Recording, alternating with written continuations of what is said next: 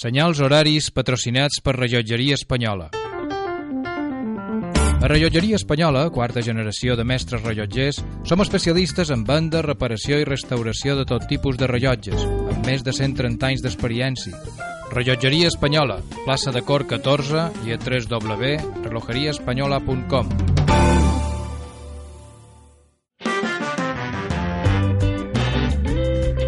Escoltes Ona Mediterrània gràcies al suport de les persones associades.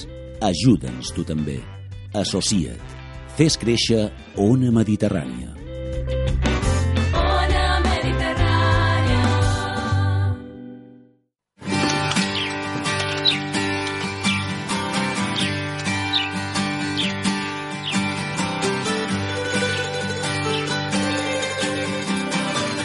Agroecològic. Cultivem un món possible. Sol post al vespre de balla damunt el camp pla i obert l'hort és més tendre i més verd Molt bon dia, com estàu? Comença Agroecològic. Aquest és el primer lliurament del que seran sis emissions centrats en aquesta qüestió. Agricultura, sí, però agricultura ecològica. Anirem explicant tot allò que voleu saber sobre aquesta qüestió, aquelles preguntes que de vegades vos feis i encara ningú els ha contestades. Aquí segur que se'n contestaran moltes. Les sínies I saben cert perquè tenim eh, col·laboradores, col·laboradors rellevants. Per exemple, Naina Calafat, ella és col·laboradora amb el Consell Insular, el Consell Balear de, de la producció agrària ecològica, de l'Associació de Veritats Locals i de les associacions d'agricultura ecològica de les quatre illes. Aina, bon dia, com estàs? Molt bé, molt bon dia. Uh, amb vocació de col·laborar, eh, bàsicament. Sí. La vocació, després que serveixi. una persona amb una dilatada experiència amb aquesta qüestió, igual que en Jeroni Vera, que avui ens acompanya aquí a l'estudi, és director tècnic del Consell Balear de la Producció Agrària Ecològica. Jeroni, bon dia. Com? Hola, bon dia. Avui el que farem serà començar per aquest primer capítol. Eh, explicarem eh, agroecologia, el que són els fonaments d'aquesta agroecologia i parlarem, evidentment, també de, de sobirania alimentària.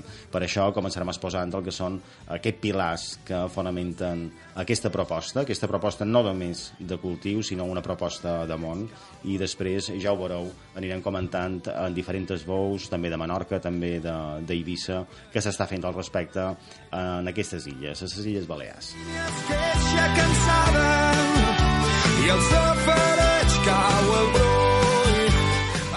I doncs ja mos hi podem posar i vos recordar, insistim, que cada divendres, cada divendres de les 12 a la 1 del migdia serem amb vosaltres aquí en aquesta, en aquesta emissora per parlar d'aquestes qüestions que ja ho veureu progressivament cada vegada seran, seran més detallades. Ara el que tocaria, si voleu, és començar per fixar conceptes. Eh, Aina Calafat, quan parlam d'agroecologia, quan parlam dels fonaments d'aquesta agroecologia, què és allò que la defineix? Bé, l'agroecologia és una manera d'interactuar amb el món, tant per part dels pagès com per part de la resta de la societat que consumim els productes que fan els pagesos, uh -huh. Els productes que venen del camp. Um, el que és l'agroecologia va sortir com a reacció uh, quan hi va haver un canvi a mitjans del segle passat de voler plantejar l'agricultura com una producció industrial en la que se forçaven els cultius alimentant-los a base de sals i això forçava el creixement dels cultius, els cultius creixien dèbils, tenien més plagues i malalties i se van començar a introduir una sèrie d'insecticides fabricats per l'home que no havien existit mai al món i van començar a provocar problemes de salut i una part de la societat va reaccionar contra això. D'aquí se van ajuntar consumidors i productors i, bé, gent en general per començar a muntar el que seria el que ara el coneixem com a agricultura ecològica, agroecologia. Anem a fer una cosa. Abans de parlar d'aquest moviment, de lo que seria aquesta cohesió mm, de persones tant consumidores com productores, anem a parlar d'un seguit de conceptes que tal vegada vos pareixerà que començant a passar a ser, mm, però no està, més, no està de, de, de més, que els uh, i els uh, situem. Per exemple, quan parlam de sostenibilitat econòmica i ecològica, de què estan parlant? Això bàsicament és que és una de les tres potes de l'agroecologia, que és que mm, és, és un, per als pagesos és un model, és una activitat econòmica, Es, aleshores, el que necessitam és que pugui perdurar en el temps i que pugui perdurar en el temps per ell i per les generacions que venguin. Això és la sostenibilitat. I perquè pugui perdurar ha de ser econòmicament viable, és a dir, li ha de donar un rendiment en el pagès, que és el que està gestionant la terra i està fabricant o, o obtenint aquests mm. aliments, i també ha de ser sostenible amb el temps i per futures generacions, així que no podem esgotar els recursos dels que disposam. S'ha de fer una bona gestió de la terra, de l'aigua, de mm, i fins i tot de les mateixes mm, varietats i, i, i diversitat biològica que tenim a, l'entorn. D'acord. I en tot això, quan parlam de salut, també parlam d'una salut des d'un punt de vista ampli. Estaríem parlant de salut de l'entorn, del món, diríem, uh mhm. -huh. de les persones, del medi natural en general. Exacte, de medi natural per el tema aquest de respecte, Uh, també de les plantes, perquè mm, l'agricultura ecològica no dona només aquelles sals que necessita principalment la planta, sinó que l'alimenta uh -huh. uh, i la fa créixer sana i forta, així que té menys problemes de, de plagues i malalties, i si els té i els ha de tractar, ho fan productes que no són tòxics pel productor que els aplica, perquè en el final és qui més s'enverina en l'agricultura convencional és el pagès que la practica cada dia i toca aquests productes, uh -huh i tampoc són tòxics per al consumidor que després s'alimenta d'aquell menjar que té Uh, que a vegades en comptes d'alimentar-nos podem caure en enverinar-nos. Sí. Parlant de sostenibilitat també, podríem fer una referència a sostenibilitat social. Fins a quin punt el que és agroecologia està vinculat a un concepte que aquí a les nostres illes ha començat a, a confluir, però des de no fa gaire, que seria el comerç just.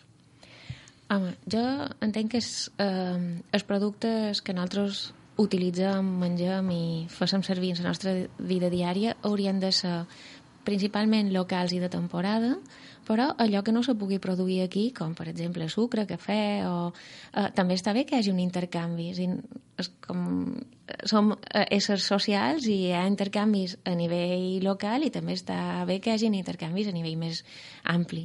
Però eh, que si has de fer un inter, una compra d'un producte, eh, assegurar-te de que la persona que l'ha feta rebi eh, el preu eh, adequat i que ho ha fet en unes condicions laborals de dignitat i de respecte a la vida humana, que això sí s'ha anat erosionant amb el temps. I en tot això també hi ha una implicació directa per part de totes aquelles persones que participen en l'agroecologia, implicació amb el que seria conservació de patrimoni natural, paisatgístic, també cultural? Exacte eh, és conservar tant el patrimoni genètic que tenim de les nostres varietats i les nostres races, com també el que són les nostres tradicions de cultiu i d'alimentació gastronòmiques. Uh -huh.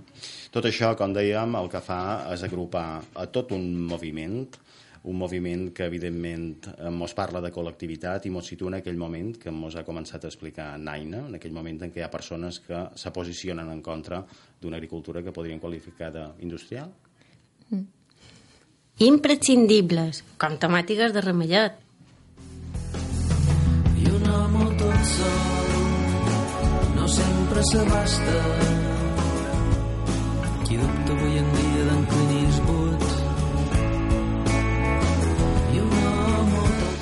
Antònia Font diu això, un home tot sol, eh? no s'abasta i s'atuda. Mm?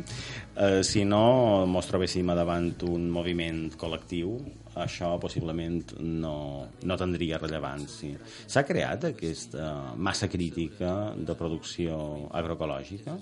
Sí, jo crec que ja duim més de 20 anys d'existència del Consell Balear d'Agricultura Ecològica eh, i en fa més de 40 que és la xerra d'agricultura ecològica eh, arreu de les illes.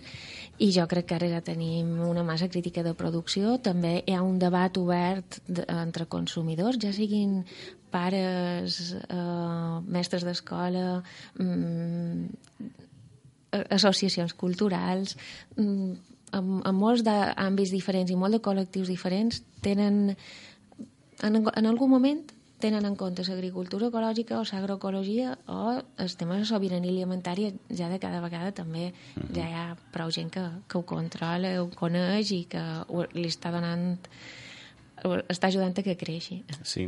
Tot això de l'agroecologia, i aquí també, Jeroni, m'agradaria que te pronunciessis al respecte, que ha estat més un anar-hi per primera vegada o un fugir-ne i tornar-hi. No sé si m'explic. Mm? Persones que han abandonat a lo millor uns hàbits heredats, unes formes heredades, i un moment donat diuen, buf, me convendria tornar d'allà d'allà on venia. Ha, ha estat mm. així o tot ha estat nou? A veure, jo crec que hi ha un pot de tot. Hi ha gent que, que sí que, que veus que va cap a l'agricultura ecològica perquè vol fer un canvi eh, per motius personals, professionals, el que sigui, i vol fer un canvi. Hi ha gent que ho prova per trobar una línia de sortida en el seu producte, que pot ser, veu que de la manera convencional eh, no tira cap endavant. Hi ha moltes... Hi ha, cada, cada, pagès és un món i té la seva... El seu, perquè ha anat cap en aquest, en aquest uh, camí. Però sí que és vera que molta gent que fins i tot a un primer moment no estava molt convençuda, una vegada que ha començat a veure com funciona i com maneja la terra, eh, se converteix quasi, quasi en el que més hi creu i és, sí. és, en el que més ho defensa. Uh -huh. En tot això, Aina, tu has fet feina també en projectes que mos fan mirar cap a l'altra banda de l'Atlàntic, que has fet feina a Llatinoamèrica, no és vera, amb aquestes qüestions. Uh, quan parlam de lo local a lo universal, tu vas allà. Te trobes una continuació, una línia d'unió entre el que s'està fent aquí amb agroecologia i allà? Són mons independents? Hi ha cohesió? Hi ha un projecte comú? Uh, hi ha molt de paral·lelisme i a nivell mundial sí que la cosa s'està estructurant i coordinant ja des de, quasi des dels inicis de, del moviment agroecològic uh -huh. uh, s'està coordinant i més sí que veus que se repeteixen models no? una mica les illes és una mica diferent però veus que l'estat espanyol és una mica sorta d'Europa i tens que Llatinoamèrica és també sortal d'Europa de, i d'Estats Units. Allà se produeixen matèries primeres i se transformen dins Europa. Nosaltres, l'estat espanyol ho ha fet molt, produir matèries primeres que després se transformen en el nord d'Europa. Geroni, vosaltres, per exemple, quan feis determinat tipus de, de projectes o quan plantegeu futurs, el, el que sigui, no? teniu contacte amb gent d'altres llocs? Vos sentiu immersos en aquest moviment global? A veure, sí. Cadascú, per exemple, nosaltres, el, el Consell Balear d'Agricultura Ecològica està dins el que és Intereco. Eh, Intereco seria l'associació que reuneix tots els consells reguladors públics a nivell estatal uh -huh. i, i és una manera també de juntar o de posar en comú eh, les dificultats que té cada comunitat autònoma i després Intereco també a nivell eh, estatal, després ja també té contactes amb, amb organitzacions europees, organitzacions de, de Llatinoamèrica, i sí que hi ha aquest, aquest intercanvi d'informació. En tot això el que farem ara serà d'aquí molt poquet deixar que en Jeroni mos ubiqui amb el que és aquest context socioeconòmic il·legal eh, amb el qual se troba aquest, aquest moviment. Però eh, abans anem, anem a fer una cosa, Aina. Um, hem plantejat d'on venim, en certa manera, no? Passes claus a donar per aquest moviment que estem exposant per consolidar-se. Tenim un enemic molt poderós al davant, és un altre concepte d'agricultura. Sembla, de més, que en qüestions com el Tractat de Lliure Comerç, no només a Europa, Estats Units, sinó Transpacífic, etc. tenim unes formes de comercialització, de producció, que poden acabar envaint completament el que seria el nostre entorn i llavors hi ha aquest altre moviment que reacciona davant això. No? Quines passes claus li queden per fer i quina fortalesa té davant això? Bueno, jo um, crec que um, lo de l'enemic o l'amenaça que pugui tenir no és l'altre model d'agricultura, sinó són certs interessos comercials molt forts uh, per comercialitzar determinats productes com puguin ser uh, el que són les patents per fabricar determinats fertilitzants fitosanitaris, insecticides i fins i tot damunt certes llavors estan concentrades en mans de molts poc, molt poques empreses. Aleshores, l'amenaça és que mm, el pagès ha anat perdent independència per poder sembrar i també ha anat perdent control damunt el producte que fa i el reconeixement que té, no només a, a nivell de preu, sinó a nivell de la societat. Ha, ha desaparegut. La cara dels pagès ja no sabeu uh, a mig, anem per mig sí. i, i veiem el producte, però no sabem sí. qui hi ha darrere. I un poc el que se pretén amb, amb aquest nou model és tornar a donar uh, eh, posar focus damunt les persones que estan treballant cada dia per fer-nos aquests aliments, ajudar-los a ells a que tinguin certa independència tècnica i tecnològica, és a dir, que tinguin una formació per poder ser més independents en, en la producció i no haver d'estar comprant productes contínuament a fora de, de la finca, Mm, i també eh, que recuperar eh, aquella xarxa social local i que després la pots anar escalant que, que des de... bé, que hi havia abans de de, de fa 100 anys Ja. que, que era que el, el consumidor coneixia en el, qui li feia qualsevol producte, fos una sabata o fos una, un enciam i després mm, el, el qui feia aquell producte també sabia a quanta gent li podia vendre i a quin preu havia de vendre per poder viure d'allò. Sí. És... En aquest context hi ha un tòpic en el qual ens volem referir. Els poderosos fan set lleis. Aquí també passa el mateix. Naturalment, menjam. Um, a,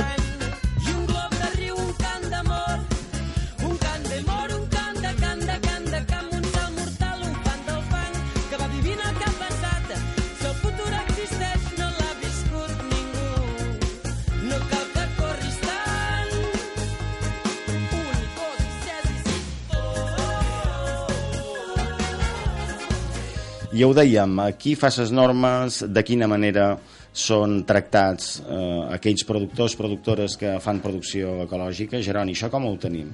Vivim en un món en què eh, la producció ecològica, per dir-ho de qualque manera, juga en camp contrari? A veure, és evident que ara mateix la producció ecològica eh, es, se basa en unes normatives que venen de la Unió Europea.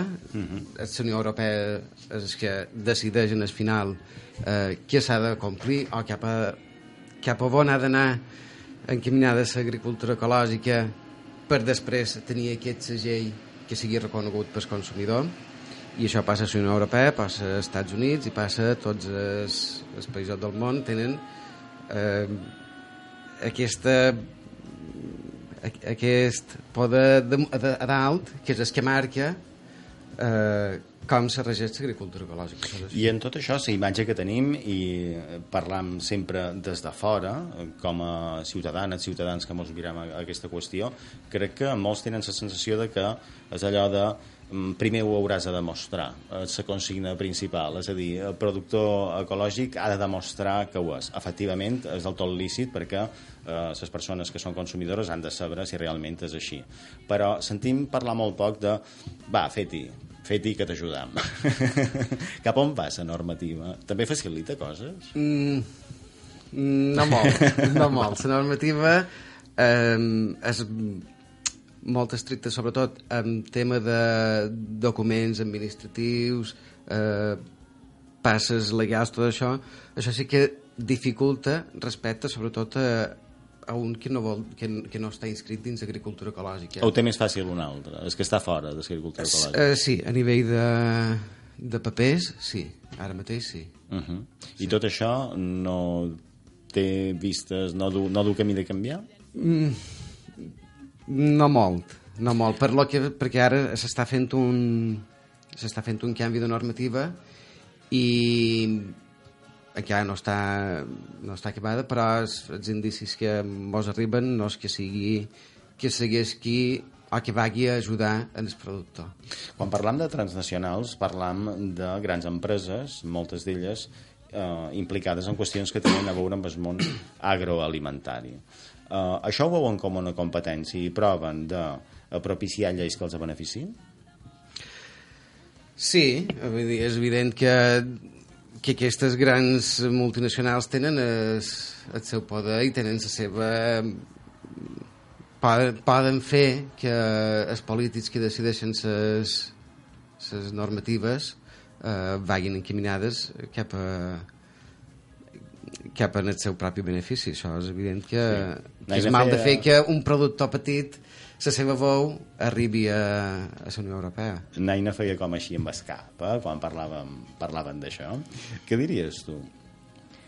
Uh, bé, subscrius tot el que ha dit en, en Geroni i tot, és dir, sí que hi ha tota una part de, del moviment agroecològic que s'ha coordinat i que s'ha cohesionat, és a dir, Intereco mateix i els exemples que ha explicat en Geroni, que han sorgit una mica per, fer- per com que un petit tot sol no pot, fer tenir prou pes com per poder tenir una mica d'incidència damunt. Ara aquests canvis de normativa o això, doncs el moviment internacional d'agricultura ecològica està intentant defensar aquest model enfront a, a lo que pretén la Comissió Europea. Però és, és difícil i s'ha d'estar batallant De vegades la història jutja les coses. Mm? Ara, per exemple, ens trobam en aquest context, eh, som a dins aquest paradigma, a dins aquest paradigma el que dèiem, eh, l'agricultura ecològica ha de demostrar efectivament que ho és, hi ha unes normatives que regeixen aquesta, aquesta qüestió i tenim eh, més facilitat eh, per fer-se pagès no ecològic. Però el que deia, la història pot ser un dia ens situem amb una visió diferent i simplement un comentari al respecte. Eh? Pot ser un dia diran, després de que el món s'hagi degradat encara més, el que s'haurien d'haver fet són normes que penessin un tipus d'agricultura que fa malbé la terra i el medi. Mm?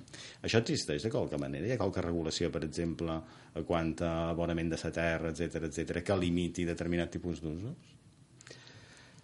A veure, n'hi ha, se'n van posant, eh, n'hi podria haver més. Eh, jo crec que és... En, en so temps ho veurem, però sí que fins ara eh, hi havia moltes coses que no estaven eh, controlades, o que no hi havia una limitació i que estava tot permès, quasi, quasi. Sí. I quin efecte té eh, aquest tipus d'agricultura en el que és la biodiversitat, la qualitat de la terra, de quina manera eh, Espanya és medi? Dir, per començar, eh, aquest el tipus de debat que se fa en l'agricultura convencional eh, que fa és eliminar milers de fongs i milions de, de bactèries cada vegada que s'aplica perquè mm, són sals que envien el pH de la terra i després eh, se, també se, això de, que he dit de les patents damunt les varietats de llavors i això ha fet que la gent sembri clons, han perdut diversitat genètica dins els cultius és a dir, que ja no tenim aquella diversitat en el camp que teníem, l'ús d'herbicides ha eliminat gran part de, sa, de les plantes que creixien de forma natural a un lloc. I eh, el que han fet és que se n'han esteses d'altres que són introduïdes i que són, unes opor són oportunistes. És a dir, eh, han perdut moltíssima biodiversitat i també hem perdut no només que no tenim el mateix número d'espècies o d'éssers vius diferents, sinó que tenim poca diversitat dins els tipus d'éssers vius que tenim en el lloc. D'acord, d'acord. I de, nosaltres farem una cosa, farem, farem una pausa i deixem en l'aire tot un seguit de qüestions interessants.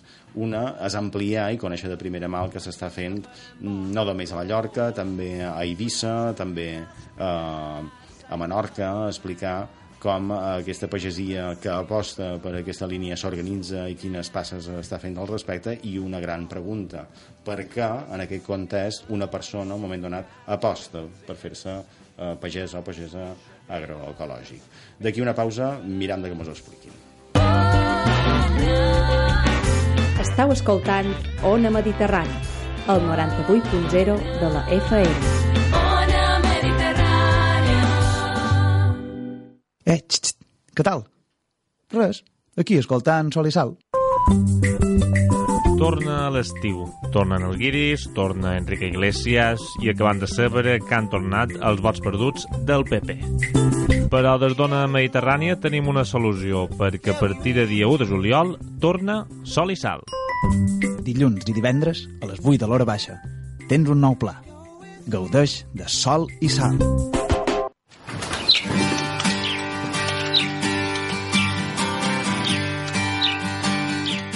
Agroecològic. Cultivem un món possible. Els divendres de juliol i la primera setmana d'agost, de les 12 a la 1 del migdia, en David Oliver. Amb el suport de FEADER, Fogaiba i Magrama. Damunt el camp pla i obert, l'hort és més tendre i més verd, encara el pagès treballa. Malicotó, camisetes mallorquines, una marca illenca farcida d'enginy i gràcia, creant camisetes, xapes, tasses, carcasses per a mòbils i molt d'altres productes personalitzats. tot amb un esperit jove, graciós, rebel·ler i molt mallorquí.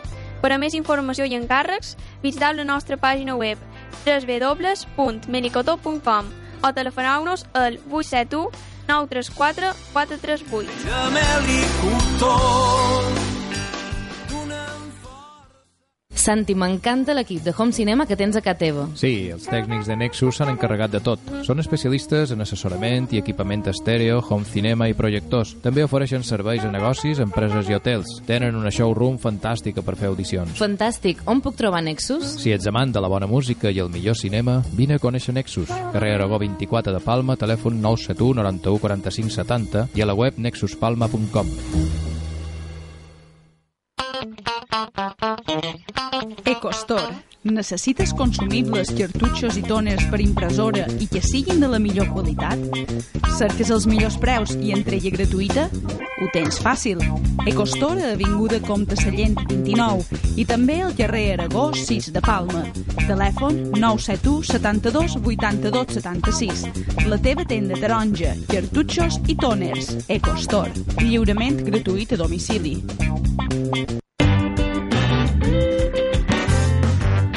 Trobaràs tots els nostres àudios i programes ja emesos a www.ivox.com també disponible per a dispositius mòbils.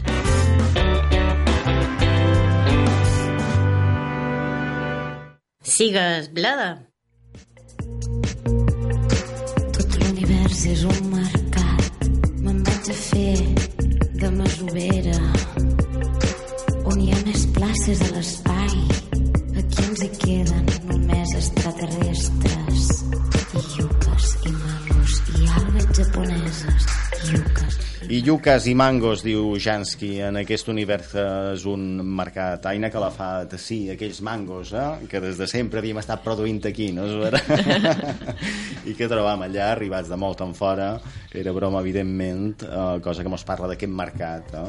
En el qual eh, la pagesia ecològica prova, prova de situar-se.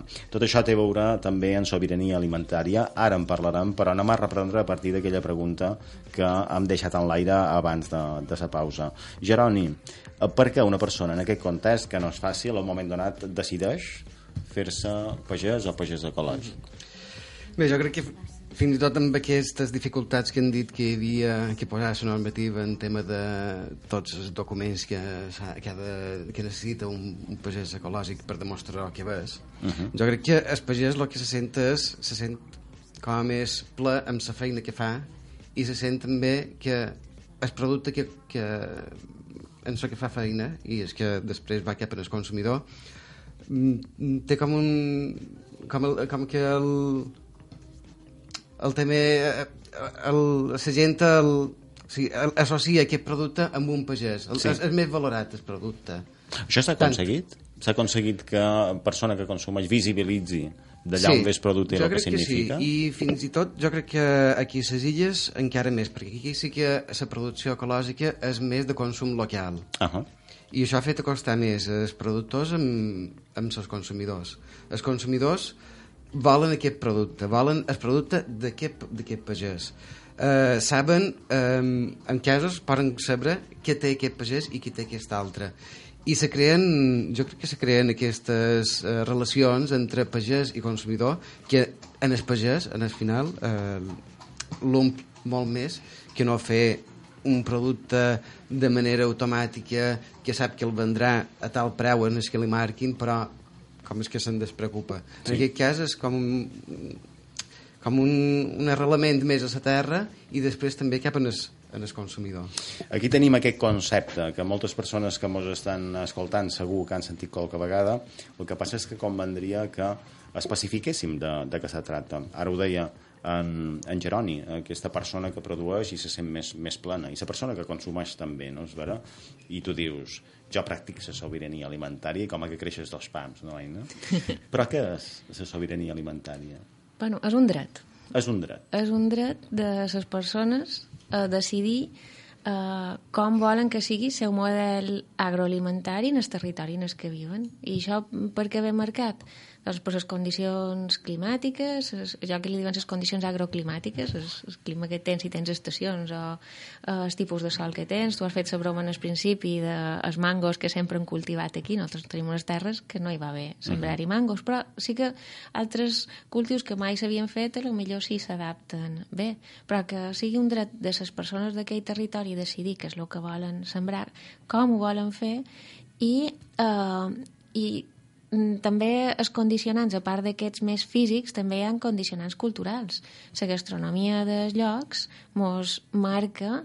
Eh, també mos diferencia entre, entre les diferents societats i les diferents comunitats, que també és una cosa bonica i allò d'anar a un lloc i conèixer alguna diferent de lo que fas tu és, és una cosa enriquidora Mm, des del moment en què se perd la sobirania alimentària i se globalitza les produccions i a nivell de les decisions de lo que s'ha de sembrar a cada lloc se prenen molt allunyats de, de la terra, eh, que diuen Geronis, el pagès acaba pues, com, com una cadena, com fent feina, una cadena de producció que ell treu un producte però li és igual no, no veu on arriba i no li veu el reconeixement social que tingui Val, eh, en certa manera queda explicat el que ara demanaré eh? però per ser reiteratius i explicar de forma molt pedagògica les coses entram, per exemple, a una gran superfície i tu veus quatre varietats diferents de, de tomàtica no? i dius, per què jo no estic exercint la sobirania alimentària quan en trio una o, o l'altra perquè, clar, eh, d'entrada estan parlant del dret i de, de decidir, no és vera? Per què no estan decidint eh, en aquest decorat? si entres a un gran supermercat, jo no sé fins a quin punt ja eh, eh estàs molt disposat a exercir. Però, però posa'm per cas que t'ho planteges, és a dir, ai, mira, quina llibertat de compra que tinc, tinc de tot, jo puc triar. És a dir, les grans superfícies el que tenen, és a dir, ho podrien fer, però és que tenen centrals de compres i aleshores ja també se, se desvinculen bastant de, del territori, per això són grans superfícies i, i el mateix te pots trobar a, a, una, a un, lloc, un punt de venda d'aquí que és que te puguis trobar a Colòmbia. Uh -huh. gran... És a dir, la mateixa oferta de productes serà molt semblant eh, ells podrien optar per un altre model de venda que seria que a cada lloc se ven les produccions que se fan en el lloc. De fet, algunes d'elles han obert petits espais i venen part de la producció local. Producte local però no ecològica? Uh, N'hi ha de tot. N'hi ha que fan local i ecològic, n'hi ha que fan local i eh, el que hi ha menys són de varietats locals. Uh, les races autòctones, que són les races animals, s'hi ha fet una mica més de feina i sí que eh, bé, hi ha hagut més suport per part de l'administració, perquè en varietats locals se n'hi ha fet molta de feina, però no, no comptaven en gaire reconeixement fins fa poc. Um, però és que també el que te trobes, tu has dit, trobaràs quatre varietats de tomàtica, però en trobaràs quatre, uh -huh. i n'hi ha centenars. Només Això és el que no coneixem, sí. eh, molt de, moltes persones que anem a comprar. Exacte. És tota la varietat de tomàtiques Sí. que existeix. És que mos agrada l'homogeneïtat i no té sentit. Mm -hmm. És a Mhm. dir, sempre eh, aplicant patrons a, a, este- a, a, a tot, a l'estètica, en el gust a, i, i en la diversitat és, és on hi ha la gràcia. Sí. I, I també la capacitat de supervivència, que això és una cosa que mos oblidam. Tenim un canvi climàtic a sobre, eh, mos hem d'adaptar en aquest canvi climàtic que ve. Duim aquí a les illes, duim anys de, de sequera. Um, I el que fa és l'ús de varietats um, obertes, amb- diversitat genètica, és que, um, que tu no són clons d'un mateix individu, així que si canvien les condicions tens més possibilitat de que un d'aquells individus que tu tens sembrat sigui més resistent a les noves condicions i no perdis la llavor per sempre. Mhm. Allò de perdre la llavor, jo crec que ve un poc per aquí. I de nosaltres fem una cosa, d'aquí molt poquet parlarem amb la Maribel Joan, ella és la presidenta de l'Associació de Producció Ecològica d'Eivissa i, i Formentera, però abans de fer-ho anem a fer una qüestió en, en en Jeroni, en Jeroni Vera, que vol recordar que ell és el director tècnic del Consell Balear de Producció Agrària Ecològica. Ens hem situat a les grans superfícies i no és de forma innocent. Eh, tenim el que és aquesta gran superfície emergent, per exemple, en el coll d'en Rabassa, eh, situats a Mallorca, en aquest cas. Mhm. Us he de dir, això ho puc explicar perquè va ser una conversa que, a més, no crec que ningú negui, que vaig parlar amb una persona que representava en aquesta a la empresa que hi ha darrere, no? Era una, una persona que feia de mediadora per diverses qüestions, que ara no venen al cas. I jo li vaig comentar, escolta, me preocupa eh, jo, que munteu aquesta gran superfície per això. Quin, uh, quin mal pot fer la pagesia local? I la resposta va dir, passa, no, no, no, aquí hi ha un interès per obrir unes línies de venda amb aquest producte i no record, això sí que no record, si van parlar de producte també ecològic. Molt bé, posem per cas que haguessin dit que sí. Què suposa això per la pagesia? Que per entrar a una gran superfície haurà de tirar per terra els preus i a partir d'aquí ja hauran begut oli? Ja tornarem a entrar en les mateixes dinàmiques que encara s'hi trobaran en, un, en una posició més, més delicada, la pagesia? A veure, eh, el bo que tenen els productors ecològics és que poden agafar aquesta, aquesta via de comercialització, però en poden agafar d'altres. Uh -huh. Eh, el pagès tindrà l'elecció de dir si vol que el seu producte vagi cap en, aquest, eh, en aquesta gran superfície o pot decidir que anirà a una tenda especialitzada o anirà de venda directa en el seu propi, Sí. eh, a la seva pròpia explotació o anirà de mercats. Clar, això li dona més possibilitats. La gent que hi vulgui anar hi podrà anar. Per si tant- va, haurà d'anar en les condicions segurament que li marqui les grans superfícies. Val. Ho, ho hem d'estimar com un, un decorat positiu, per tant, aquest, que la gran superfície vulgui presentar producte ecològic? Ho complementa. Sí. hi ha certs dubtes al respecte. Eh, sí. I ja hi ha debat a dins la pagesia sobre això? A veure, eh, jo crec que mm, eh, hi ha debat, perquè sí que és, és evident que les grans superfícies de cada vegada eh, van més a tenir una línia de productes ecològics i oferir productes, productes ecològics. Um, les condicions que marquen les grans superfícies són les que marquen elles i uh -huh. si tu hi vas, vas amb aquestes condicions. Uh, a, se- a segons qui sí que li pot interessar entrar dins aquesta nova línia seria eh, una línia parescuda a lo que se feia a lo que se fa en els productes convencionals però bé, eh, és evident que si entren dins de grans superfícies hi haurà altres tipus de consumidors que coneixeran aquests productes Sí. Anem a fer una cosa abans de continuar, Aina, perquè volem xerrar també amb Eivissa. Després reprenem aquesta qüestió, però és important conèixer que s'està fent a les pitiuses. Això ens explicarà na Maribel Joan, com us dèiem, la presidenta de l'Associació de Producció eh, Ecològica d'Eivissa i Formentera. L'abella és el nostre animal preferit.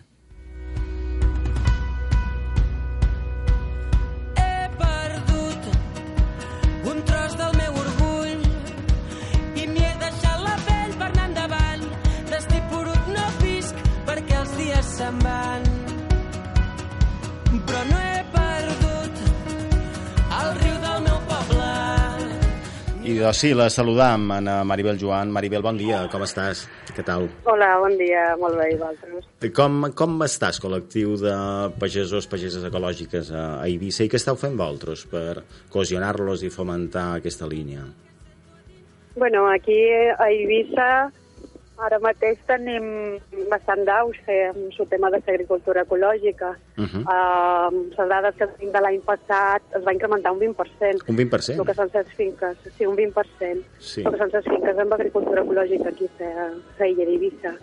I en el que és enguany també, i amb les dades que tenim del CBPAE, pues, bueno, molt contents perquè realment eh, això un any es veu que va incrementant també en aquest 2016. Estàvem a meitat d'any i s'estan incrementant també tots els números de finques d'agricultura ecològica. I per què? A Creus que passa de- això? Mm, bueno, eh, des de, per exemple, l'associació s'està treballant bastant en el tema de la promoció i tema també de la formació de lo que és, eh, són els pagesos.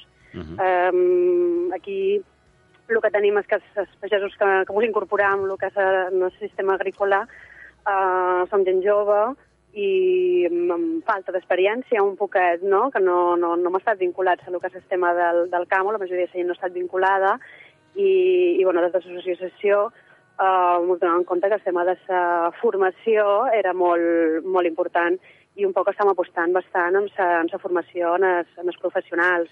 Val, si són Ah, persones tenim, que... tenim el suport de ses- de- d'alguna de, les cooperatives, la cooperativa Sant Antoni, per exemple, Uh -huh. ag agrícola, també està fent eh, cursos cada any, dos anys, fent cursos de, de formació d'agricultura ecològica eh, és molt d'agrair, no?, que també les cooperatives agrícoles pues, ja entrin també dins del sistema agroecològic.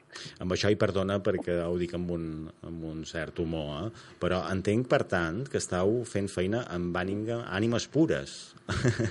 Persones que eh, tenen el seu primer contacte en l'agricultura a través vostre.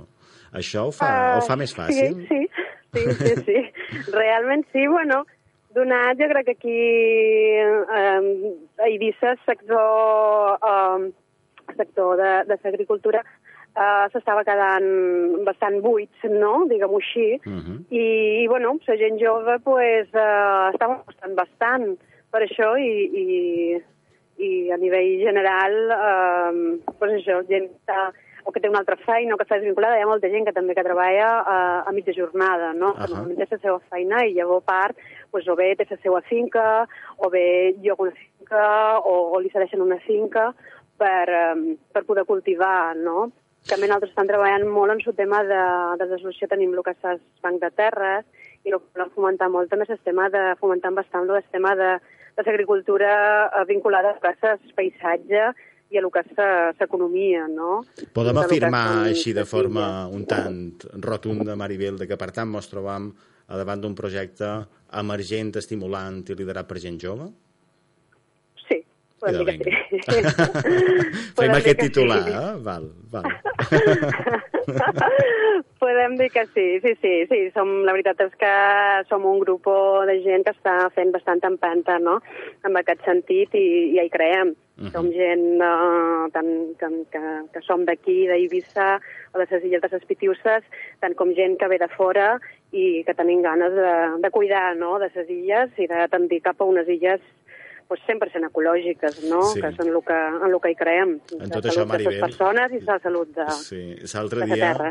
l'altre dia comentava amb, amb determinades persones que la manera diària de dipositar un vot per un tipus de món és anar a comprar. Eh? Quan compres també votes, eh? votes per, per una opció.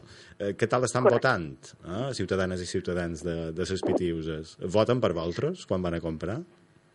Uh, sí, cada vegada més, cada vegada més. Cada vegada hi ha més consciència en aquest sentit. Uh, no sé, crec que va paral·lel un poc. A vegades pens que sí, a vegades pens que no, no? Que a vegades pensen que no. Cada vegada obrim més grans superfícies també aquí a Saïlla, malauradament, però nosaltres també fomentam bastant de la compra en es, en, en es, a petit productor, no directament a cooperatives, i i tenim la cooperativa de Cofes, que és una cooperativa de, de producció d'agricultura ecològica, on hi ha cistelles que es van directament en es, en es particular i que allí sí que està vull dir, gent molt, molt, uh, molt conscient, no? molt conscienciada Mhm. d'aquest d'aquest tipus de producte i d'aquesta vinculació de lo que és producte a lo que és paisatge, a lo que és la terra i a lo que és l'economia eh, que podem crear no, d'aquesta mateixa illa. No? Que aquest és el missatge, sí. Vivim del turisme, eh, Sí. molt de recurs econòmic, molt d'aquest eh, eh, ingrés econòmic que hi ha, doncs se'n va molt fora de, de les illes, no? una vegada una vegada acabada la temporada. Mm. I nosaltres el que volem fomentar també és aquesta microeconomia que per, pensam que és cap a on hem de tendir. també. És microeconomia que és maxi espiritual, eh? o macroespiritual, val? amb el sentit més, més ampli de la paraula. I de Maribel, nosaltres hem, hem de dir-te fins aviat, perquè també hem de passar per Menorca, però moltes gràcies i ja ho saps, eh, tenim tot un seguit de setmanes per anar, per anar xerrant, d'acord? Molt bé, moltes gràcies a vosaltres. Que vagi Passeu molt un bé. bon dia. Fins aviat.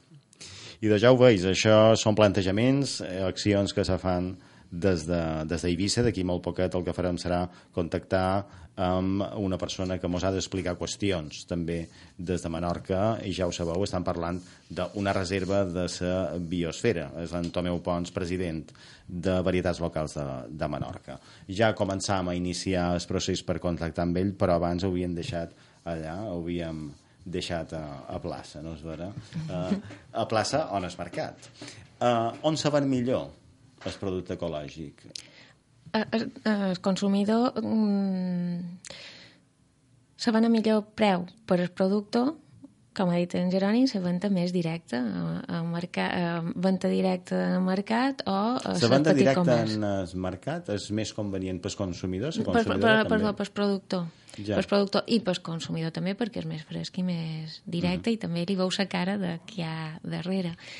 Um, és a dir, estan parlant d'agroecologia i de, um, de sobirania alimentària. No estan parlant només d'una producció ecològica certificada que compleixi amb un reglament europeu que o un reglament que s'ha consensuat a nivell mundial, a nivell tècnic. Estàvem parlant de justícia social, de, Mhm. de so- sostenibilitat en els temps, i en quant a justícia social, si nosaltres parlam de, de recolzar en el petit pagès i, i, o petit, mitjà, o el pagès que produeix mm, d'una manera respectant el medi ambient, també hem de recolzar la resta d'empreses que tenen que veure amb el sector agroalimentari que també aposten per lo mateix. D'acord. Jeroni, una, una qüestió que és d'aquelles que potser són un poc incòmodes, eh? però des des que avança la naieta he de dir que se comenta. Eh? És, si hem eliminat intermediaris, perquè el producte ecològic, en un moment determinat, no sempre és així, és més car. A veure, eh, s'ha de dir que produir eh, de manera ecològica i sobretot a les illes és més car per un productor que per un productor convencional i sobretot per un productor convencional eh, de la península. Uh -huh. Sí que eh, a un producte hi trobaràs un increment respecte a un producte convencional, però no té per què ser així sempre. A vegades, sobretot amb, amb producte fresc, eh, mm, eh, comprat a un pagès eh, directament, el preu és molt similar o igual que, que és d'un producte convencional que pugui venir de no se sap on. Uh -huh. I una qüestió, en aquest sentit també, Jeroni. Uh, això posaré l'exemple també directe, perquè així la gent pot tenir una referència ho pot comentar amb aquestes persones mateixes. L'altre dia vaig visitar a la cooperativa Coa Negra i me va dir que havia rebut la visita d'uns altres productors o d'uns productors de producte ecològic i havien comentat que hi havia encara disparitat de preus entre Coa Negra i uns altres. Mm. Què ho fa que determinats eh, productors i gent que comercialitza encara se trobin amb aquest desequilibris a l'hora de presentar-se en, en el mercat parlant del mateix tipus de producte? Eh? A veure, és un tema complicat i, i és un tema que també nosaltres eh, poca cosa hi podem fer, perquè sí que nosaltres no, no actuant sobre el preu d'un producte final. Mhm. No és la nostra funció i tampoc no podem demanar que aquest preu sigui així. Això cadascú, eh, cadascú en el seu sector Però entre ells deuen provar de confluir. hauria de hauria d'haver un, Uh -huh. unes, uns acords o arribar a uns acords com... Unes estratègies. A unes estratègies. Ah. Per... Tam també crec que hem de tenir en compte que eh, el productor ecològic està internalitzant uns costos que els altres productors no, o l'altre tipus de producció no internalitza, com uh -huh. eh, no, no està contaminant els aqüífers, no està contaminant l'aire i a més s'ha de protegir de contaminacions dels veïnats. O sigui que no, cada productor té les seves dificultats per produir aquell Mira, producte. mos deia una senyora un dia Uh, diuen que això és car, però surt molt econòmic perquè preserva tot això. L'altre tipus de producció sí que és cara perquè se carrega tot això. Mm? Mm. A, a Sí, més, les diferències de preu tampoc són tan altes. Que Estan parlant que- d'un 10, 15, 20%. A veure, no? si compres de temporada, he de dir que els preus Mm. són supercompetitius, eh? no una Sí, mica. sí, sí. Jo diria que de vegades estan Fins i, equiparats. sí, eh? equiparats o fins i tot O per davall, per perquè davall. mantenen, no especulen. El que passa és que has de comprar producte de temporada. Mm.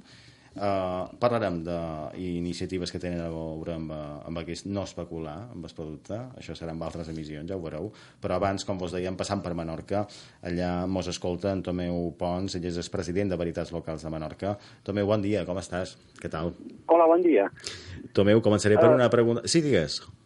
No, que, eh, no, president de Varietats Locals, no, president de APAEM, de Productors eh, d'Agricultura Ecològica. Sí, perdona, perdona. Ha estat una, Va, una equivocació problema. en, en com tenia agafades les dades. Perdona, Tomeu.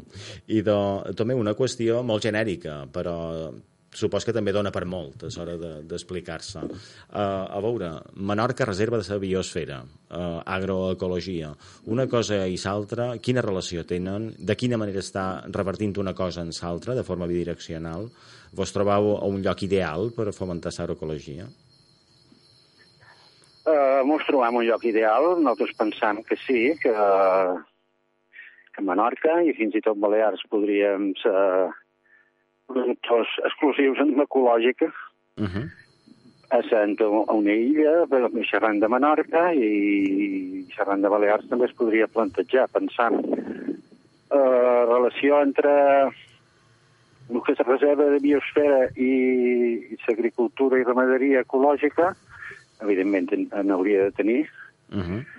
i, i en té el que amb dificultats eh, se, se troba producte ecològic en el mercat. En, En dificultat se troba.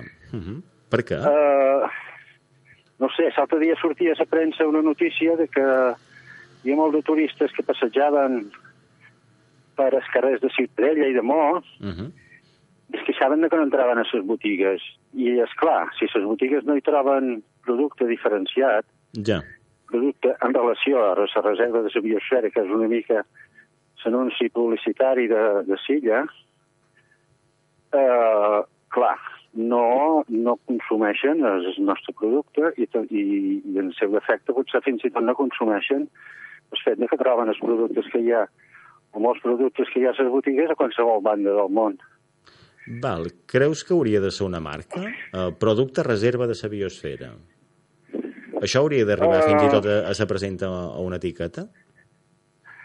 Podria ser una marca, però eh, sempre que, que creiem que hauria d'estar relacionat amb l'agricultura Clar, ecològica, clar, la- que estigui certificat, etc. La Sí. producció ecològica, sí.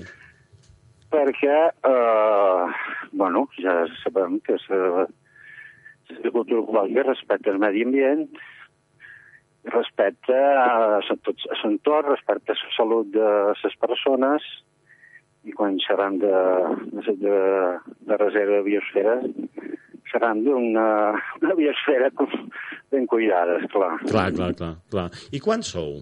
Uh, sou un grup voluminós de, de productors i bueno, després... en aquests moments a Menorca eh, hi ha, ha augmentat els comerços, Uh -huh. els elaboradors, la superfície s'ha disminuït, la superfície agrícola.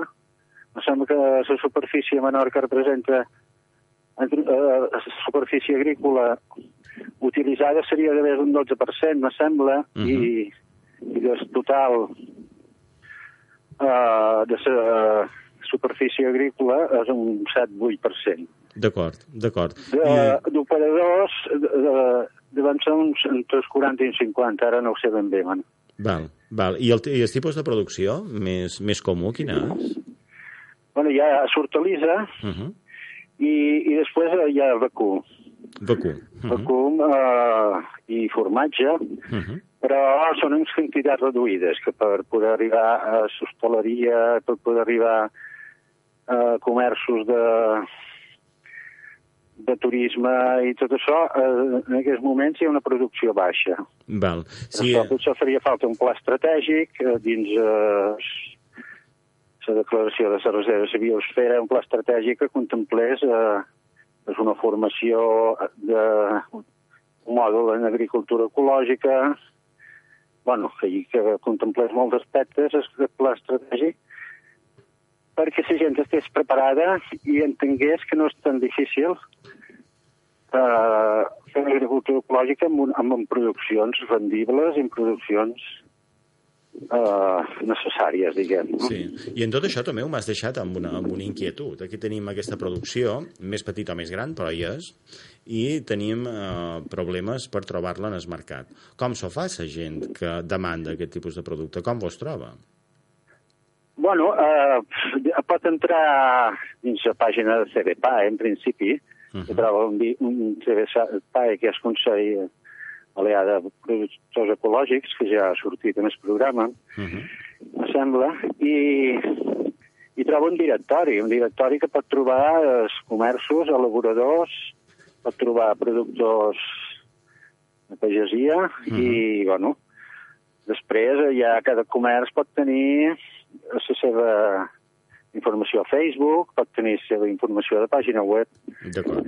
Però s'ha de fer una micona de recerca. Hi ha diversos comerços que, que amb certificats amb, amb producte exclusiu, exclusivament ecològic. Uh -huh. A l'O també n'hi ha, hi ha diferents punts de mercat eh, en els pobles, en el cas de, de agrícoles, però hi ha eh, producte ecològic, en certificació, evidentment. I penseu que heu ajustat oferta i demanda eh, en el que estàu produint i el que se vos demana?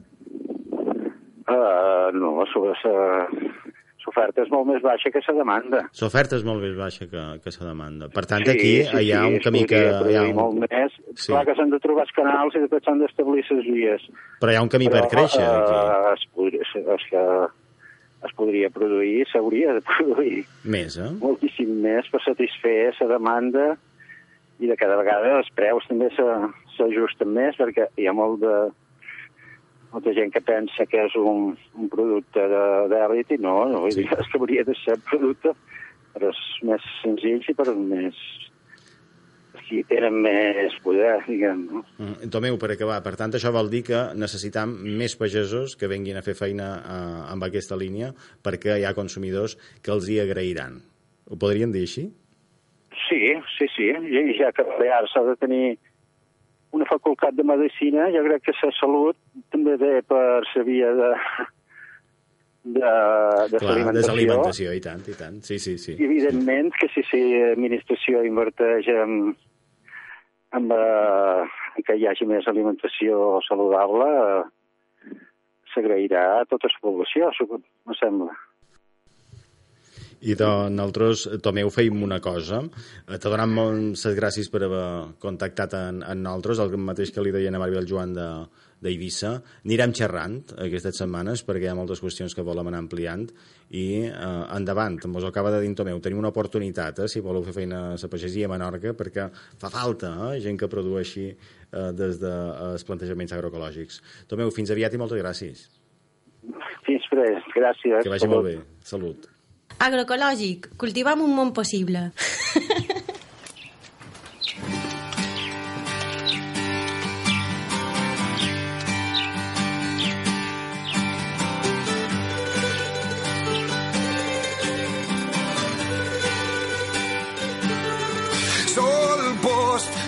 Han posat la llavor d'aquest agroecològic, d'aquest espai de ràdio, que també vos comentam que és possible amb el suport del Fons Europeu Agrícola de Desenvolupament Rural. Avui aquí a l'estudi, Naina Calafat, en Jeroni Vera, moltes gràcies a tots dos per, per ser-hi. Uh, crec que han posat el principi, han marcat el principi de tot un seguit de qüestions a ampliar, no trobeu?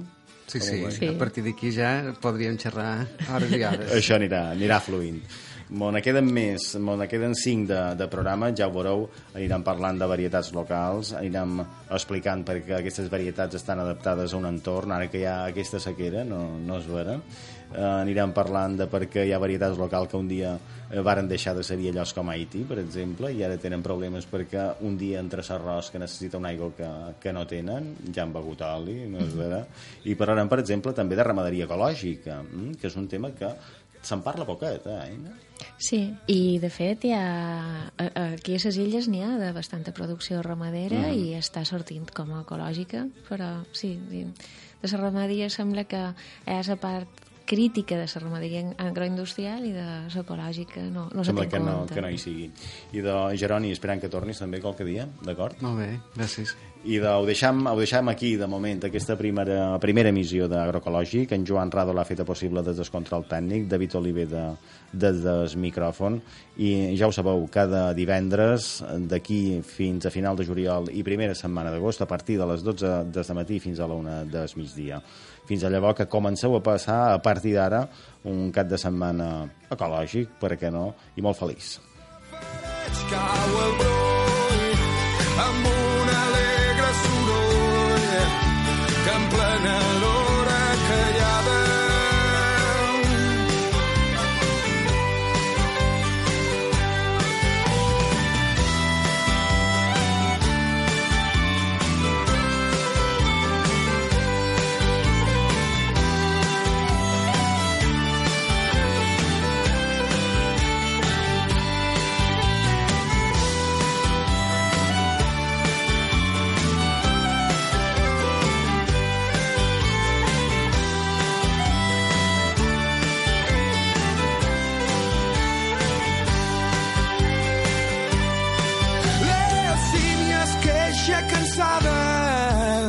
i el safareig cau el broll amb un alegre soroll que en plena l'hora callada les línies que ja cansada i el safareig